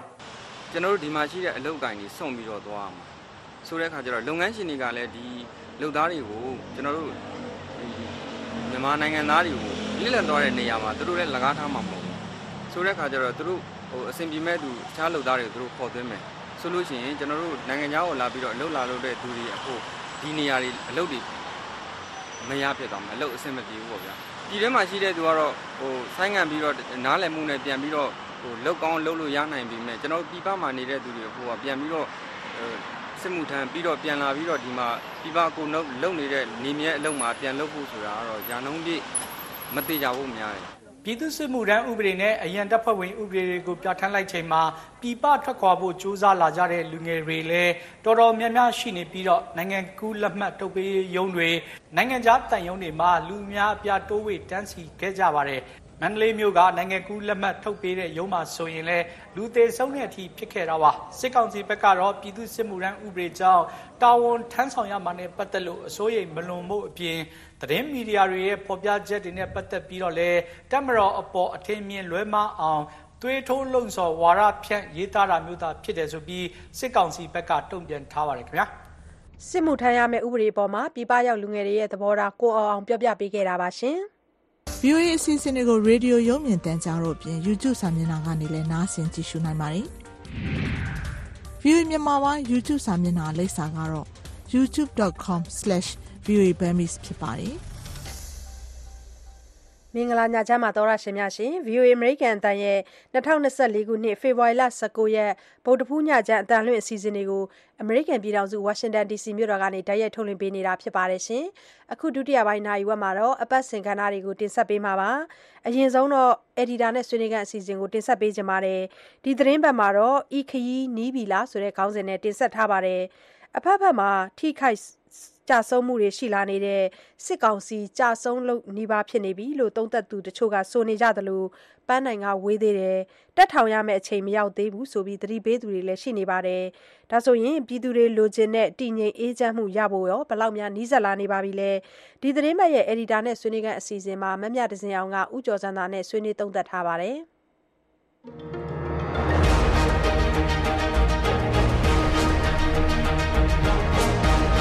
ဂလာပါဦးကျော်စံပါရှင်မင်္ဂလာပါအခုဒီမြန်မာနိုင်ငံလက်ရှိအခြေအနေတွေပေါ်မှာပြောရမယ်ဆိုရင်စစ်ကောင်စီကြဆုံးမှုတိတ်မဝေးတော့ဘူးဆိုပြီးတော့တချို့ကတော့သုံးသပ်ပါတယ်ဒီပေါ်မှာဘယ်လိုသဘောရပါလဲ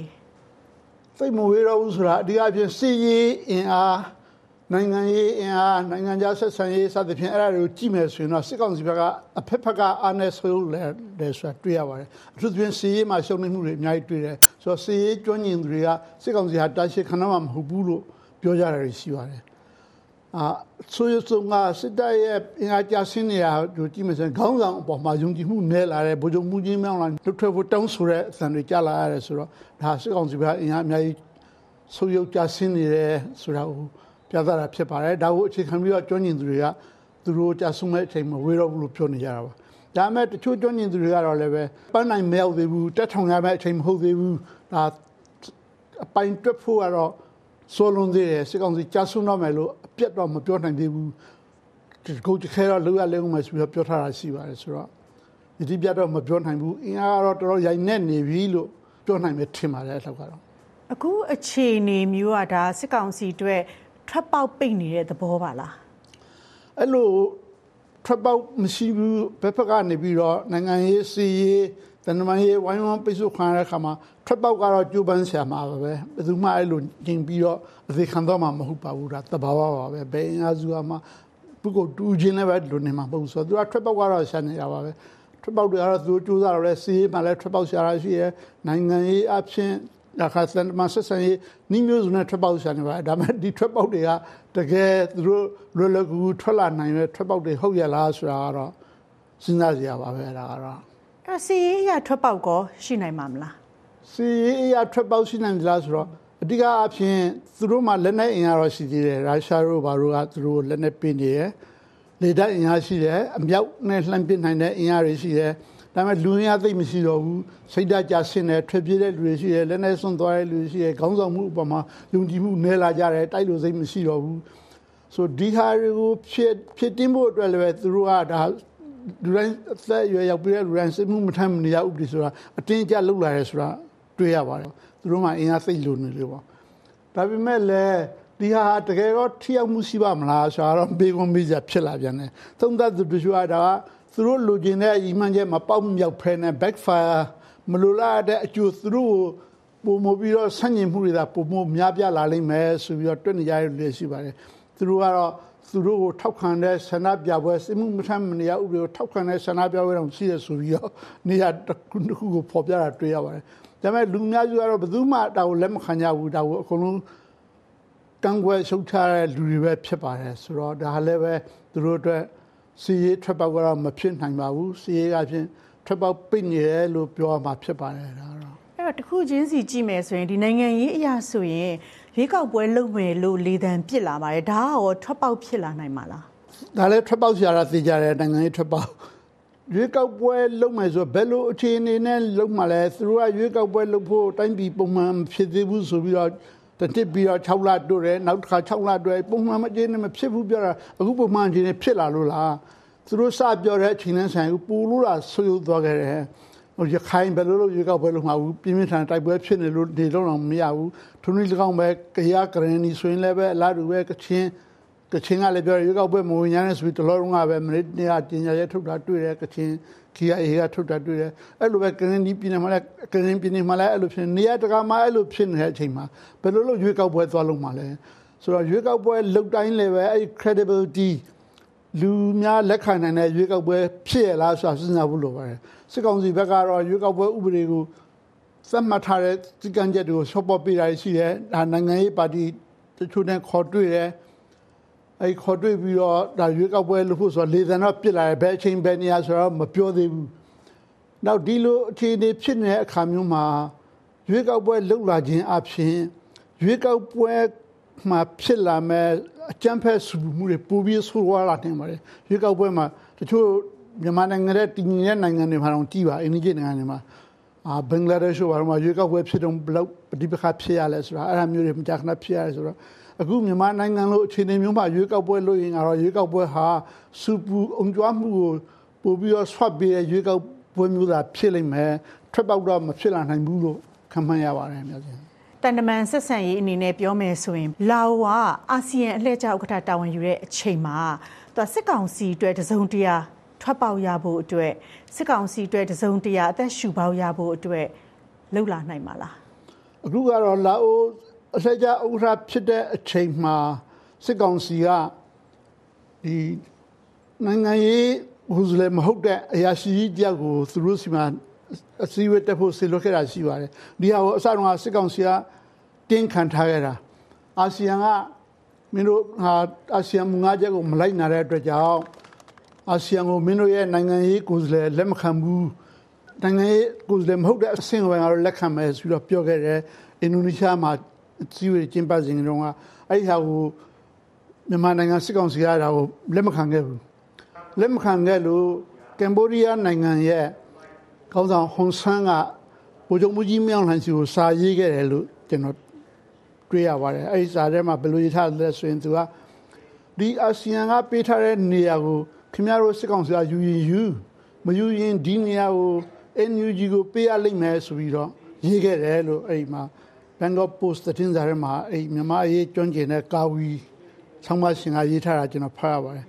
အဲ့ဒီဟောဗိုလ်ချုပ်ကြီးမန်လာသိစိတ်ဆိုးတယ်စိတ်ဆိုးပြီးတော့ဘုရားလည်းမလွတ်တော့ဘူးဆိုပြီးနေခဲ့တယ်လို့ပြောပါတယ်အဲ့ဒီမှာဆိုတော့အဲ့လိုတင်းနေခဲ့ပေမဲ့အခုကျတော့လာအိုအလှည့်ကျလာတော့လာအိုကိုသူကအဲ့ဒီထောက်ပြန်ပြီးတော့လိုက်လျော်ပြီးပြန်လွတ်တယ်ဆိုတော့ထွက်ပေါက်ရလို့ရညာသူတို့တွက်တယ်လို့ပြောလို့ရပါတယ်ဒါပေမဲ့လာအိုကိုယ်စားလှယ်ဖြစ်တဲ့နိုင်ငံခြားရေးဝန်ကြီးက မြန်မာနိုင်ငံသွားပြီးတော့ဗိုလ်ချုပ်ကြီးမင်းအောင်နဲ့တွေ့ရတဲ့အခါမှာသူတို့ဆွေးနွေးတယ်နှစ်နိုင်ငံလုံးကဘာအသေးစိတ်ဆွေးနွေးဆိုတာမထုတ်ပြန်ဘူးသူတို့ဆွေးနွေးပြီးမကြခင်မှာထိုင်းနိုင်ငံခြားရေးဝန်ကြီးကလည်းပဲလုပ်တယ်ဒီဟာထိုင်းဒုတိယဝန်ကြီးချုပ်နဲ့နိုင်ငံခြားရေးဝန်ကြီးကလည်းပဲ American နိုင်ငံခြားရေးဝန်ကြီးနဲ့တွေ့တယ်ဆိုပြီးတော့မြန်မာနိုင်ငံကိစ္စကိုလုပ်မယ်သူတို့ကတော့ပွင့်ပွင့်လင်းလင်းပဲသူတို့ကတစ်ခါ transparent ဖြစ်ပြီးတော့နှစ်ဖက်လုံးပါဝင်တဲ့သဘောတူညီမှု စာနာမှုအထောက်ပံ့ရရှိရေးအတွက်ငါတို့ဝိုင်းလို့ရအောင်ဆိုပြီးတော့သူကပြောတယ်အာဆီယံကိုလည်းပဲပြောတယ်အဲ့လိုတရုတ်ကိုလည်းပြောတယ်သူတို့ကအဲ့လိုလုတ်တဲ့နေရာမှာတော့ပွင့်ပွင့်လင်းလင်းလုပ်မယ်ဒီလိုလုတ်ချင်းဒီမြန်မာပဋိပက္ခကိုငြင်းချမ်းစွာဖြေရှင်းနိုင်ရေးအတွက်ဥတီဖို့ကြည့်ရတယ်ဆိုပြီးတော့ထိုင်းကတော့ပွင့်ပွင့်လင်းလင်းပြောတယ်ဆိုတော့ကျွန်တော်တခုသံတရားဖြစ်ပြီးစဉ်းစားမိတာကလာအိုကသွားတွေ့တယ်ဘာမှမပြောဘူးမကြခင်မှာပဲထိုင်းကအမေရိကန်နိုင်ငံသားဝင်နေတွေ့ဆိုတော့သူတို့ဟာလာအို ကိုလုံးလုံးဆွဲထားရမှာကိုများမယုံလေသလားလာအိုတောင်မှတရုတ်ကရင်းနှီးတာကိုသူတို့ကအဲဆိုတော့အဲ့လိုဖြစ်သွားမှာကိုစိုးလို့လည်းပဲအမေရိကန်ကိုသွားပြီးလက်တို့တာလည်းဖြစ်နေတယ်ဟာဟိုဘက်တရုတ်သဘောနဲ့ဆုံးဖြတ်တာဖြစ်ကုန်မယ်မင်းတို့လည်းလုတ်ပါဆိုတော့ပြောရလို့ဖြစ်နေလို့ထင်ပါတယ်ဆိုတော့အဲ့ဒီဟာမှာမြန်မာနိုင်ငံအတွက်ဘယ်လိုထွက်ပေါက်ရမလဲတော့မသိဘူးဟိုဘက်တစ်ခုကတော့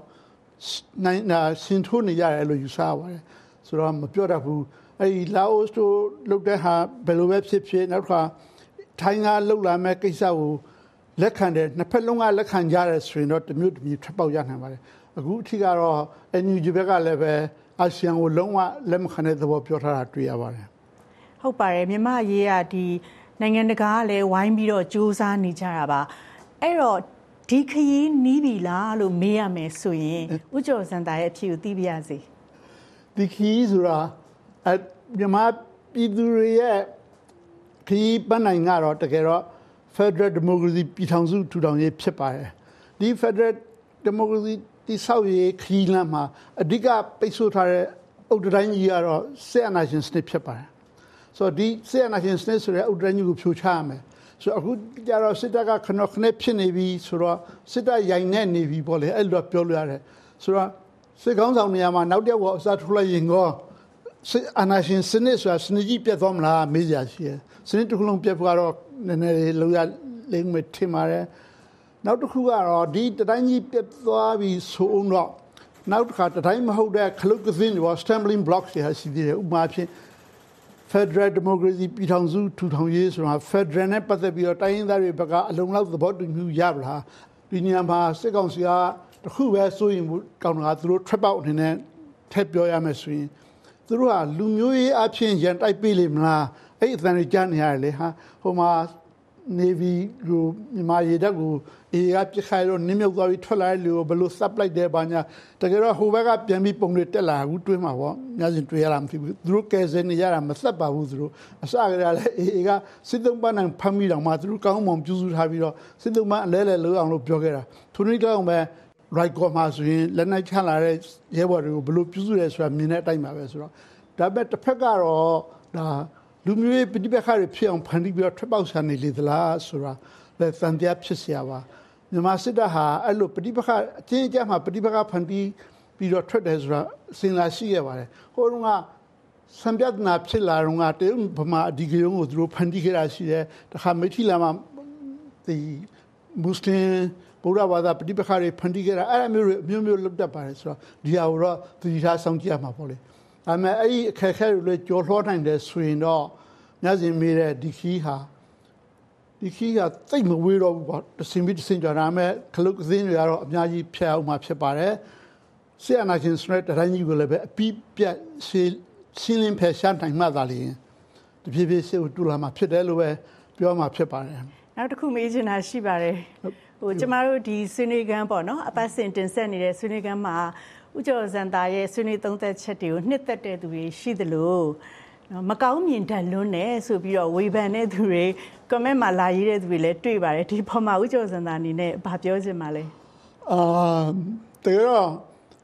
ကျွန်တော်တို့ကသတင်းသမားတွေပါကျွန်တော်တို့ကအမှန်ကိုအချက်လက်ကိုအခြေခံပြီးတော့ဒါ facts based analyze လုပ်ရတာဖြစ်ပါတယ်အချက်လက်ကိုအခြေခံပြီးတော့သုံးသပ်ခြင်းသာဖြစ်ပါတယ် ကျွန်တော်ဘာမှပူပြီးတော့ဟိုဘက်ဒီဘက်ရင်းပြီးမပြောပါဘူးကျွန်တော်စိတ်ထဲမှာဘယ်လိုပဲရှိနေရှိနေကျွန်တော်ဟာဒီ view ဟိုအစင်းမြင့်ကိုအသုံးပြုပြီးတော့ကျွန်တော်ဆန္ဒတိုင်းပြောလို့လည်းမရပါဘူးကျွန်တော်ဟာအခြေအနေမှန်ကိုအမှန်တိုင်းကျွန်တော်သုံးသပ်ပြီးတော့ကျွန်တော်ပြောမိတာသာဖြစ်ပါတယ်ဆိုတော့ကျွန်တော်မကောင်းမြင်တဲ့လွန်းတယ်လို့ဝေဖန်အပြစ်တင်သူတွေရှိရင်လည်းသူတို့လည်းပဲလွတ်လပ်စွာတင်နိုင်ပါတယ်ကျွန်တော်ကဒီမိုကရေစီကိုလက်ခံတဲ့ မီဒီယာဖြစ်ပါတယ်လွတ်လပ်လပ်ဝေဖန်နိုင်ပါတယ်အပြစ်တင်တာရှိတယ်တချို့ဆဲဆိုကြတာတော့ရှိတယ်ပြောပြောကြပါစေဒါလည်းပဲကျွန်တော်တို့ကျန်းခံမှာဖြစ်ပါတယ်လို့ပဲပြောပြရစီဖြစ်စေဟုတ်ကဲ့ပါအခုလိုဆွေးနွေးပေးတဲ့အတွက်ကျေးဇူးတင်ပါတယ်ဥကျော်စံတာရှင်ဟုတ်ကဲ့ဆက်လက်ဆွေးနွေးကြပါမယ်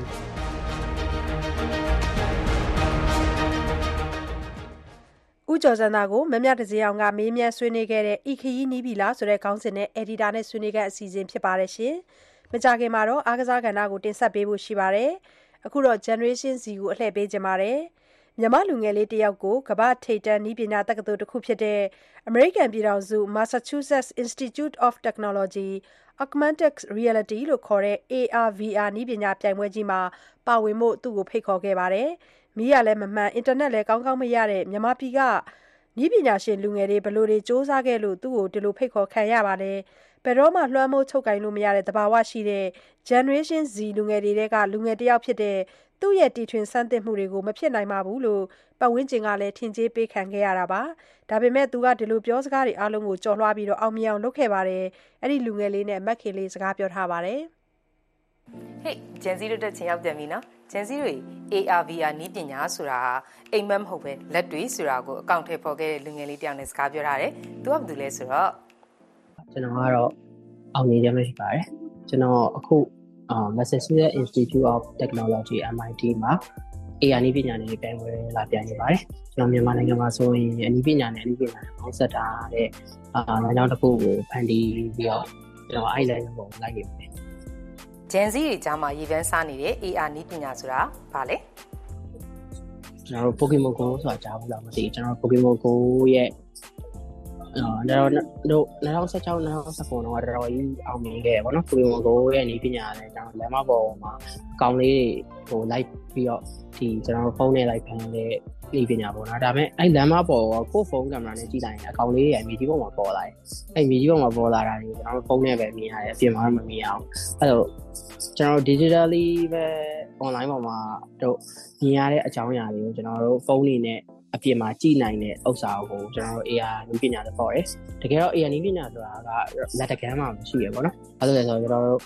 ဒီ Facebook effect တွေ Instagram effect တွေကျွန်တော်နေ့တိုင်းသုံးကြတယ်အဲ့သုံးနေတဲ့ effect တွေကလည်း AR နည်းပညာပေါ့နော်ဆယ်တဲ့အောင်တွေက ARVR နီးပညာကိုစိတ်ဝင်စားပြီးတီထွင်ဖန်တီးခဲ့တဲ့သူကိုရည်စရာအနေနဲ့လှောင်ပြောင်တာကိုလည်းခံခဲ့ရတယ်တဲ့ လူငယ်တယောက်အနေနဲ့ဆိုကျွန်တော်တို့မြန်မာနိုင်ငံရဲ့ဟိုကြည်လိုက်မယ်ဆိုရင်တော့ဒါကြီးက AR နည်းပညာကြီးကမဖြစ်နိုင်ဘူးလို့အရင်ယူဆကြရပါတော့။ဒါပေမဲ့မဖြစ်နိုင်အောင်ဖြစ်ချင်အောင်လှုပ်ချင်တယ်ပဲရှိတာလှုပ်ပြလိုက်တာမရှိသေးတဲ့အခြေအနေမျိုးမှာကျွန်တော်အဲ့လိုယူနေယူနေရလို့ထင်ကြရပါဘာလို့လဲကျွန်တော်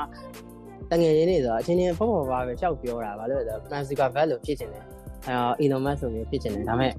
သူတို့ကတော့ပြောမင်းတို့အချိန်မှာဖြစ်နေတယ်မင်းကအကြောင်းမှဆက်မတက်တာပေါ့အဲ့လိုမျိုးဆိုရင်တော့ ကျွန်တော်ကကျန်ကားလို့ပဲအကြောင်းမဆက်မတက်ပါနဲ့တော်အဲ့လိုမျိုးတကယ်ကိုလမ်းကြောင်းကိုရှောင်နေကြတယ်လူအများကြီးပဲပေါ့အဲ့လိုမျိုးအခြေအနေနဲ့ကြောက်ကစားဖြစ်ခဲ့ရတယ်တော့အများကြီးတော့ရှိရပေါ့နော်ပြီးတော့ကျွန်တော်စိတ်ညစ်တဲ့အချိန်တွေကတော့အများကြီးပဲပေါ့နော်ဒါကိုယ်ယူနေတာဆိုတာတဲ့သူတို့ကကိုကိုမြင်နေရအောင်ဘာလို့မမြင်ရတာလဲကိုအတွက်ကျွန်တော်တော့က upset ဒါဖြစ်တာပါကျွန်တော်အရင်စိတ် zebration ဝင်တာပေါ့ကိုဒီမှာအကောင့်လိုက်ယူမြင်နေတယ်ဒါကိုသူတို့လည်းမြင်တယ်ဒါကိုဘာလို့လက်မခံလဲ မဖြစ်နိုင်တာကိုဖန်တီးနေတဲ့သူတယောက်လို့လူတွေကသတ်မှတ်ထားတဲ့သူကိုတကယ့်ကိုကမ္ဘာအဆင့်မြင့်နီးပညာတက္ကသိုလ်ကြီးတစ်ခုကဖိတ်ခေါ်တာကိုခံထားလိုက်ရတဲ့အခါကျတော့သူစိတ်ထဲမှာဘယ်လိုခံစားရမယ်လို့ထင်လဲကျွန်တော်ကလည်းကိုယ့်အရေးချင်းသက်ဆိုင်ကျွန်တော်လှုပ်လာခဲ့တဲ့လမ်းကြောင်းနဲ့ history ကိုသူများကို judge လုပ်စေချင်တာအဲ့ဒီလိုဆရာကြီးတွေက judge လုပ်လိုက်ရင်ကျွန်တော်က judge လုပ်ခံနေတာပဲရှိရတကယ်ရမလားမရမလားကျွန်တော်မမမျော်လင့်တာဘူးဒါပေမဲ့သူတို့ကတကယ်တော့ရွေးသွားတယ်ရွေးတဲ့ရွေးသွားကျွန်တော်အရန်အံ့ဩပြီးတော့အိမ်ကိုပြောရပါတော့ MIT MIT ဆိုတော့လည်းအိမ်ကမယုံအဘာပြောနေရလဲပေါ့ပြီးတော့မှသူတို့ကကျွန်တော် legal email တွေနဲ့ဆက်သွယ်လာတယ်သူတို့တစိမ့်တုံးတွေနဲ့ပို့တယ်အဲ့ဒါမှအိမ်ကယုံသွားတယ်တော့ကျွန်တော်လွတ်လိုက်တာပေါ့နော်အဲ့ဒါအခုဝင်ပြိုင်ခွင့်ရတာပေါ့ဘာတော့တော်တော်ပျော်ပျော်တယ်ကြော်တာတဲ့ဆိုင်ဒီကိုလိုလူတွေပဲကျွန်တော်မယူတော့နော်အဲ့မယူဆိုတာကိုစက်သိပြလို့ရတယ်ပုံစံမျိုးဖြစ်သွားတာပေါ့သူပြိုင်ပွဲဝင်ငယ်တုန်းကတွေ့ကြုံတွေကိုလည်းပြောပြထားသေးတယ်ကျွန်တော်ဆိုအခုပြိုင်နေပြိုင်ပွဲမှာကကျွန်တော်က contribute လုပ်တဲ့အကြောင်းအရာကျွန်တော် story line ရှိရယ်အဲ့ဒါကိုသူတို့ကနှစ်ရက်အတွင်းချစ်ချင်းထွင်နိုင်တယ်ဒီမှာပြီးမှဆို10နှစ်လောက်ကြာမယ်ဥစ္စာမျိုးကြီးအဲ့ဒါမျိုးနှစ်ရက်အတွင်းချစ်ချင်းထွင်နိုင်တယ်ကျွန်တော်အရန်လန့်သွားတယ်ဘောနော်ဒါကလေဒီလိုလာပြိုင်တဲ့လူတွေရတယ်ကျွန်တော်တို့အာ Harvard တို့ဒီ Stanford တို့ Yale တို့ Olympia တို့အားစရှိရ IB Boost ကကျောင်းသားကျောင်းသူတွေရှိရယ်အဲပြီးတော့ University ကျောင်းသားကျောင်းသူတွေမကောက်ဘူးသူတို့ professor တွေရောစာဆရာမတွေရောဆရာတွေရောကိုယ်တိုင်လာပြန်ကြရတော့သူတို့ brain တွေကတအားကောင်းသူတို့ဘာပဲဖြစ်နေမလဲ ဆွင်မှာပဲတုံးမှာပဲအဲ့လိုလူတွေကအများကြီးရှိရယ် researcher တွေပါတယ်အဲ့လို ARV ကုမ္ပဏီက CEO တွေပါတယ်ပါတယ်အဲ့လိုတွေတော်တော်ကြီးများကြရပါတော့နီးလဲမလာသလိုအင်တာနက်အခက်အခဲတွေကြုံတွေ့နေရတဲ့မြန်မာပြည်ကသူ့လိုမျိုးဖန်တီးကျင်တဲ့လူငယ်တွေအတွက်လည်းအခုလိုမျိုးအားပေးစကားပြောထားသေးတယ်ကိုဘာလို့စခဲ့လဲဆိုတော့အမြဲပြန်စဉ်းစားတယ်ကိုယ့်ရဲ့ရည်ရွယ်ချက်ရဲ့အဆုံးထိရောက်ပြီလားကိုယ့်ကိုယ်ထိပြီလားတကယ်တော့မထိသေးဘူးဆိုဆက်တာလို့ကျွန်တော်ဒီမှာအဆက်လေးချလိုက်တယ်ဒါပေမဲ့အဲ့အဆက်ကိုတခါရဲ ဘာပဲလုပ်နေလုပ်နေတခါရဲဆက်သွားမယ်လမ်းကြောင်းတစ်လိုင်းရတယ်တကူကူပေါ်လာလိမ့်မယ်အဲ့အဆက်ဒေတာရှောက်ချနေလုပ်တယ်လုပ်တာလုပ်တာလုပ်တယ်အဲ့လိုမျိုးတော့ပြောတင်တယ်ဟုတ်ကဲဂျန်စီတွေဘသူတွေကပဲကိုယ်ကိုတိုက်ခိုက်နေပါစေစိတ်တကြအောင်ပဲလှုပ်လှုပ်ကိုဖြစ်ချင်တဲ့အရာတစ်ခုကိုဇွဲရှိရှိနဲ့ဆက်သွားမယ်ဆိုလို့ရှိရင်ကိုရီမန်းထားတဲ့အရာတစ်ခုရောက်ဖို့ကလက်တကမ်းပဲဆိုတာဒီလူငယ်လေးကတက်တည်ပြသွားတယ်နော်ကဲဒီတစ်ပတ်တော့ဒီလောက်ပဲနောက်တစ်ပတ်မှာပြန်ဆုံတွေ့ကြရအောင်တတတာ မက်ခင်လေးရဲ့ Generation Z အစီအစဉ်မှာရှင်အခုဆက်ပြီးတော့အပတ်စဉ်အားကစားကဏ္ဍကိုတင်ဆက်ပေးခြင်းပါတယ်21ကြိမ်မြောက်ကမ္ဘာ့ရေကူးပြိုင်ပွဲကိုကာတာနိုင်ငံဒိုဟာမြို့မှာကျင်းပခဲ့ပြီး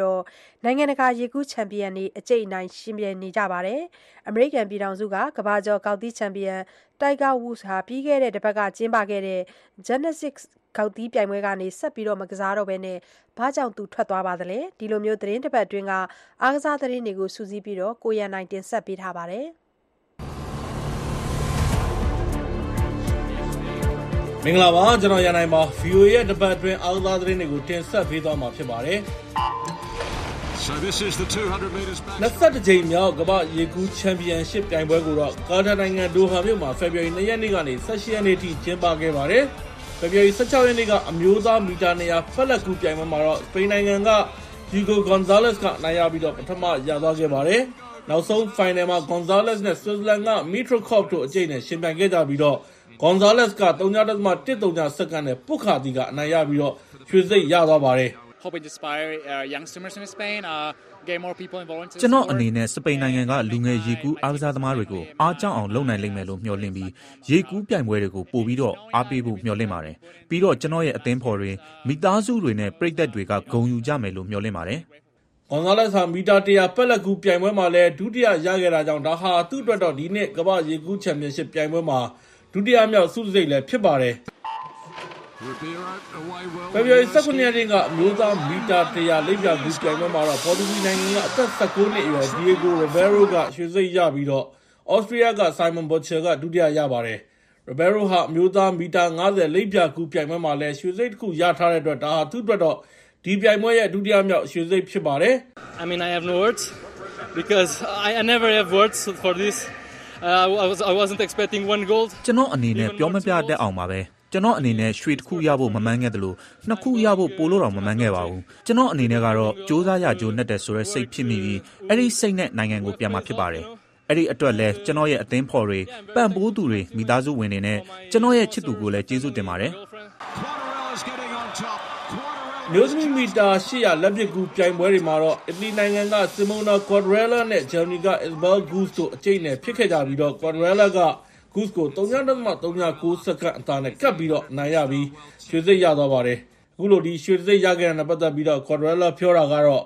My my best race, I think. Uh, I'm really happy about this. ဒါကကျမအတွက်တော့ အကောင်းဆုံးပြိုင်နိုင်ခဲ့တဲ့ပွဲလို့ ထင်ပါတယ်။အဲ့ဒီအတွက်လည်း ကျမ ဝမ်းသာမိပါတယ်။တော်တော်လေးမောပါတယ်ရှင်။ ဆောက်ဆချင်းမှာတော့ပုံမှန်ပဲကူးခဲ့ပြီးတော့ဒီနောက်ပိုင်းဒုတိယပိုင်းမှာတော့အရှိန်တင်ပြီးတော့အမြန်ကူးခဲ့ပါတယ်။အခုလိုမျိုးနိုင်တဲ့အတွက်တကယ်ကိုပျော်ပါတယ်။မျိုးသမီးမီတာ90လိပ်ပြကူပြိုင်ပွဲမှာတော့ဆွီဒင်နိုင်ငံကနာမည်ကြီး Sarah Sjöström ကအနိုင်ရပြီးတော့မီတာ90လိပ်ပြကူပြိုင်ပွဲမှာ6နှစ်သက်တိုက်ရွှေစိတ်ရသွားခဲ့ပါတယ်။ Sjöström it is who takes over. ဒါ့အပြင်18ရက်နေ့ကအမျိုးသမီးမီတာ90လက်ပစ်ကူပြိုင်ပွဲမှာလည်း Sarah Sjöström ဟာ23.69စက္ကန့်နဲ့ပထမရွှေစိတ်ကိုရခဲ့ပါတယ်။ ဒါဟာသူ့အတွက်တော့ကမ္ဘာရေကူးချန်ပီယံရှစ်ပြိုင်ပွဲရဲ့မီတာ90လက်ပစ်ကူပြိုင်ပွဲမှာ3ချိန်ဆက်တိုက်ပိုဆွဲတာလည်းဖြစ်ပါတယ်။ Thank you. I'm very, very proud to, to uh, win this medal. It was a, a lot of pressure without ကျေး the ဇူး two တင်ပါတ girls ယ် also being ကျမအနေနဲ့ဒီဆုကိုရတဲ့အတွက်အရန်ကုန်ယူပါတယ်ကျန်တဲ့ဒုတိယနဲ့တတိယရသွားတဲ့နှစ်ယောက်ကလည်း24စက္ကန့်အောက်ကူးနိုင်တဲ့သူတွေဆိုတော့ PR အရန်များပါတယ် ဒီပွဲကိုအနိုင်ရလိုက်တဲ့အတွက်လာမယ့် Paris Olympic ပြိုင်ပွဲအတွက်ယုံကြည်မှုရသွားခဲ့ပြီးတော့ဘယ်လိုမျိုး PR မျိုးကိုမဆိုရင်ဆိုင်ပြီးတော့အကောင်းဆုံးပြိုင်နိုင်တယ်လို့ထင်ပါတယ်ကာတာနိုင်ငံမှာကျင်းပခဲ့တဲ့အခုချိန်ကမ္ဘာရေကူးပြိုင်ပွဲကိုတော့နာမည်ကြီးကစားသမားတွေအများအပြားဝင်ပြိုင်ခဲ့တာကိုတွေ့ခဲ့ရပြီးတော့အဲ့ထဲမှာအမေရိကန်ကနာမည်ကြီး Katie Ledecky လည်းပါဝင်ခဲ့ပါတယ်ခင်ဗျာ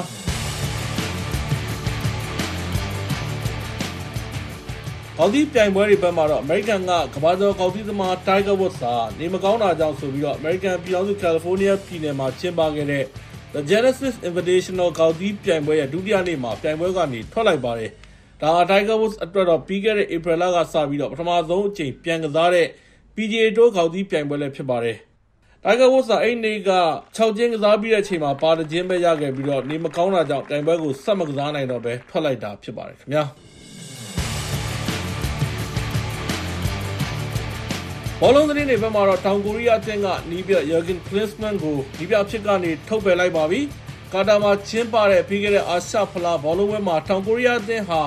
ဆီမီဖိုင်နယ်မှာဂျော်ဒန်ကိုရှုံးပြီးချန်ပီယံမဖြစ်ခဲ့တာကြောင့်တောင်ကိုရီးယားဘောလုံးဖွဲ့ချုပ်က Klinsmann ကိုနီးပြယာရုကနေထုတ်ပယ်လိုက်တာဖြစ်ပါတယ်။ 클린스만 감독은 감독으로서의 တောင်ကိုရီးယားဘောလုံးဖွဲ့ချုပ်ဥက္ကဋ္ဌချွန်မောင်ကျူးကတော့ Klinsmann လက်ထက်မှာတောင်ကိုရီးယားအသင်းဟာမျှော်မှန်းထားသလောက်အောင်မြင်မှုမရခဲ့ကြောင်းနဲ့ Klinsmann ဟာလည်းလက်ရွေးစင်အသင်းနီးပြတစ်ယောက်အနေနဲ့ဥဆောင်မှုကိုမပြသနိုင်ခဲ့ဘူးလို့ပြောပါတယ်။သူ့ကိုဝေဖန်တဲ့အချက်တွေထဲမှာ Klinsmann ဟာအသင်းခြေစွမ်းမပြနိုင်တဲ့အချိန်မှာတော့အပြုံးမပြတ်ပဲရှိနေတာပြီးတော့တောင်ကိုရီးယားမှာတစ်ချိန်လုံးရှိမနေပဲတချို့အချိန်တွေမှာလက်ရှိနေထိုင်နေတဲ့အမေရိကန်နိုင်ငံ LA မြို့ကနေအလုပ်လုပ်ခဲ့တာတွေလည်းပါဝင်ပါတယ်။တောင်ကိုရီးယားဘောလုံးအသင်းဟာအာရှဖလားချန်ပီယံဆုကို1956နဲ့60ခုနှစ်တွေမှာနှစ်ကြိမ်ဗိုလ်စွဲခဲ့ပြီးအဲ့နောက်ပိုင်းမှာတစ်ကြိမ်မှဗိုလ်မစွဲခဲ့ပဲ စူဖလားနဲ့ဝေးနေခဲ့တာဟာ 64 နှစ်ရှိသွားခဲ့ပြီဖြစ်ပါတယ်။ဒီတစ်ကြိမ်မှာ ဗိုလ်စွဲမယ်လို့ အတော်များများကခံမှန်းခဲ့ကြပေမဲ့လည်းအခုလို ဆီမီဖိုင်နယ်မှာ ရှုံးသွားခဲ့တဲ့အတွက်နီးပြ Klinsmann ကိုယာရုကနေ ထုတ်ပယ်လိုက်တာဖြစ်ပါတယ်။ဒီ Klinsmann နေရာမှာ အစားထိုးဖို့အတွက်တော့ တောင်ကိုရီးယားက နာမည်ကြီးကစားသမားဟောင်း ဟောင်းမြန်ဘိုကို အခုလောလောဆယ်မှာ ယာယီနီးပြဖြစ် ခန့်သွားမှာဖြစ်တယ်လို့ တောင်ကိုရီးယား ဘောလုံးဖွဲ့ချုပ်ကတော့ကြေညာထားပါတယ်ခင်ဗျာ။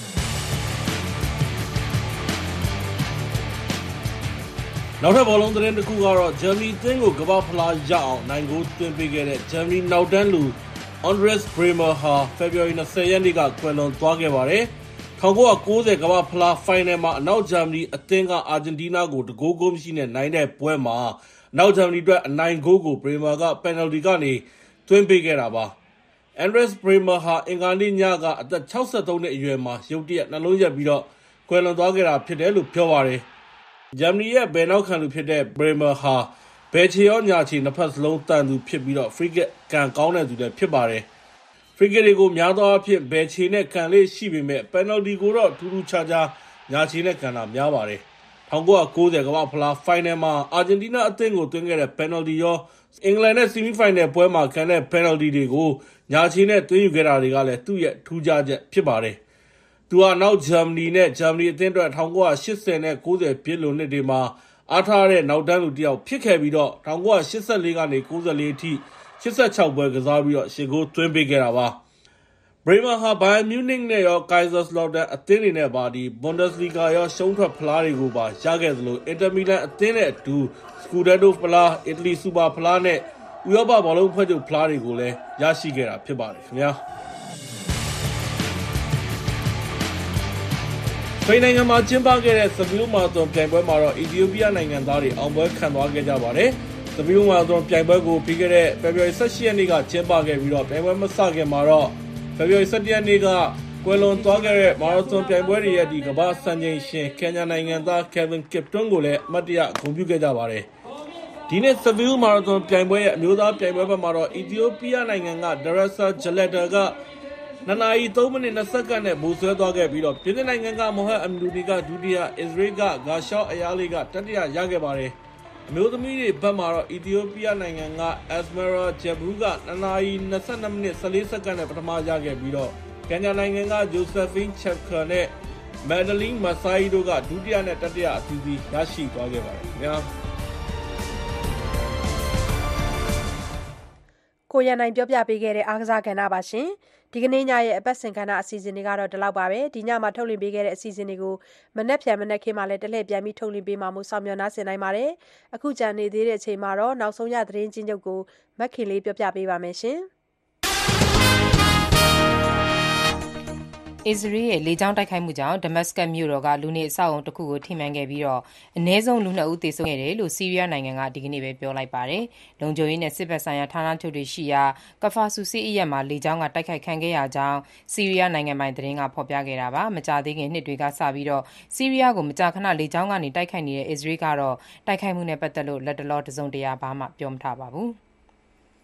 ထိုင်းနိုင်ငံထဲကို ထွက်ပြေးခိုလှုံလာတဲ့ မြန်မာနိုင်ငံသားတွေကို လူသားချင်းစာနာထောက်ထားပြီး ယာယီအလုပ်လုပ်ခွင့်ပြုဖို့ ထိုင်းအစိုးရကို ထိုင်းအတိုက်အခံ Pheu ပါတီ လွှတ်တော်အမတ် Kannavee Suebsang က အကြံပြုပြောဆိုထားပါတယ်။မြန်မာနိုင်ငံသားတွေဟာ ထိုင်းနိုင်ငံကို တရားမဝင် ဝင်ရောက်လာတာ မဟုတ်တဲ့အကြောင်းနဲ့ စစ်ပွဲတွေကြား အသက်လုပြေးလာရသူတွေ ဖြစ်တဲ့အကြောင်း စစ်မှုမထမ်းမနေရဥပဒေကို ရှောင်ရှားဖို့ ရောက်လာတာဖြစ်ပြီး လူသားချင်းစာနာမှုအရ ထည့်သွင်းစဉ်းစားဖို့ ထိုင်းအစိုးရကို လွှတ်တော်အမတ် Kannavee Suebsang က တိုက်တွန်းထားတာ ဖြစ်ပါတယ်။ ရခိုင်ပြည်နယ်မှာလည်း တိုက်ပွဲတွေ ပြင်းထန်လာနေတာကြောင့် နောက်ထပ် တိမ်းရှောင်လာကြမယ့် ရိုဟင်ဂျာတွေကို လက်ခံဖို့ ဖိအားတွေ တိုးလာနေပေမဲ့ အိမ်နီးချင်း ဘင်္ဂလားဒေ့ရှ်နိုင်ငံကတော့ လက်မခံဘဲ ငြင်းဆန်နေပါတယ်။စစ်ကောင်စီနဲ့ရခိုင့်တပ်တော် AA တို့ကြား တိုက်ပွဲတွေကြောင့် နယ်စပ်မှာရောက်နေတဲ့ ရာနဲ့ချီတဲ့ ရိုဟင်ဂျာတွေကို ဘင်္ဂလားဒေ့ရှ်နိုင်ငံက လက်ခံဖို့ တိုက်တွန်းနေတာပါ။နောက်ဆုံးရသတင်းချင်းချုပ်ကိုမက်ခင်လေး ပြောပြပေးခဲ့တာဖြစ်ပါတယ်ရှင်ဒီကနေ့ညရဲ့ အစီအစဉ် ထုတ်လွှင့်ရမှုကအလိမ္မာဖြစ်ပါတယ်စက်ပိုင်းဆိုင်ရာ အင်ဂျင်နီယာတွေကတော့ Jonat Kamim နဲ့ Jambil Hansa ဖြစ်ပါတယ်ရှင်ကျွန်မကစုမုံမှာဒီညအစီအစဉ်မှုဖြစ်တာဝန်ယူတင်ဆက်ပေးခဲ့တာဖြစ်ပါတယ် VOA ကိုနားတော်ရဆင်ခဲ့တဲ့အတွက်ကျေးဇူးအထူးပဲတင်ရှိပါတယ် VOA ရဲ့သောရရှင်များနဲ့တကွမြန်မာပြည်သူပြည်သားအလုံးစိတ်ချမ်းသာကိုယ်ကျန်းမာဘေးပရာဝေးကွာလို့လိုရာဆန္ဒတွေပြည့်ကြပါသေးရှင်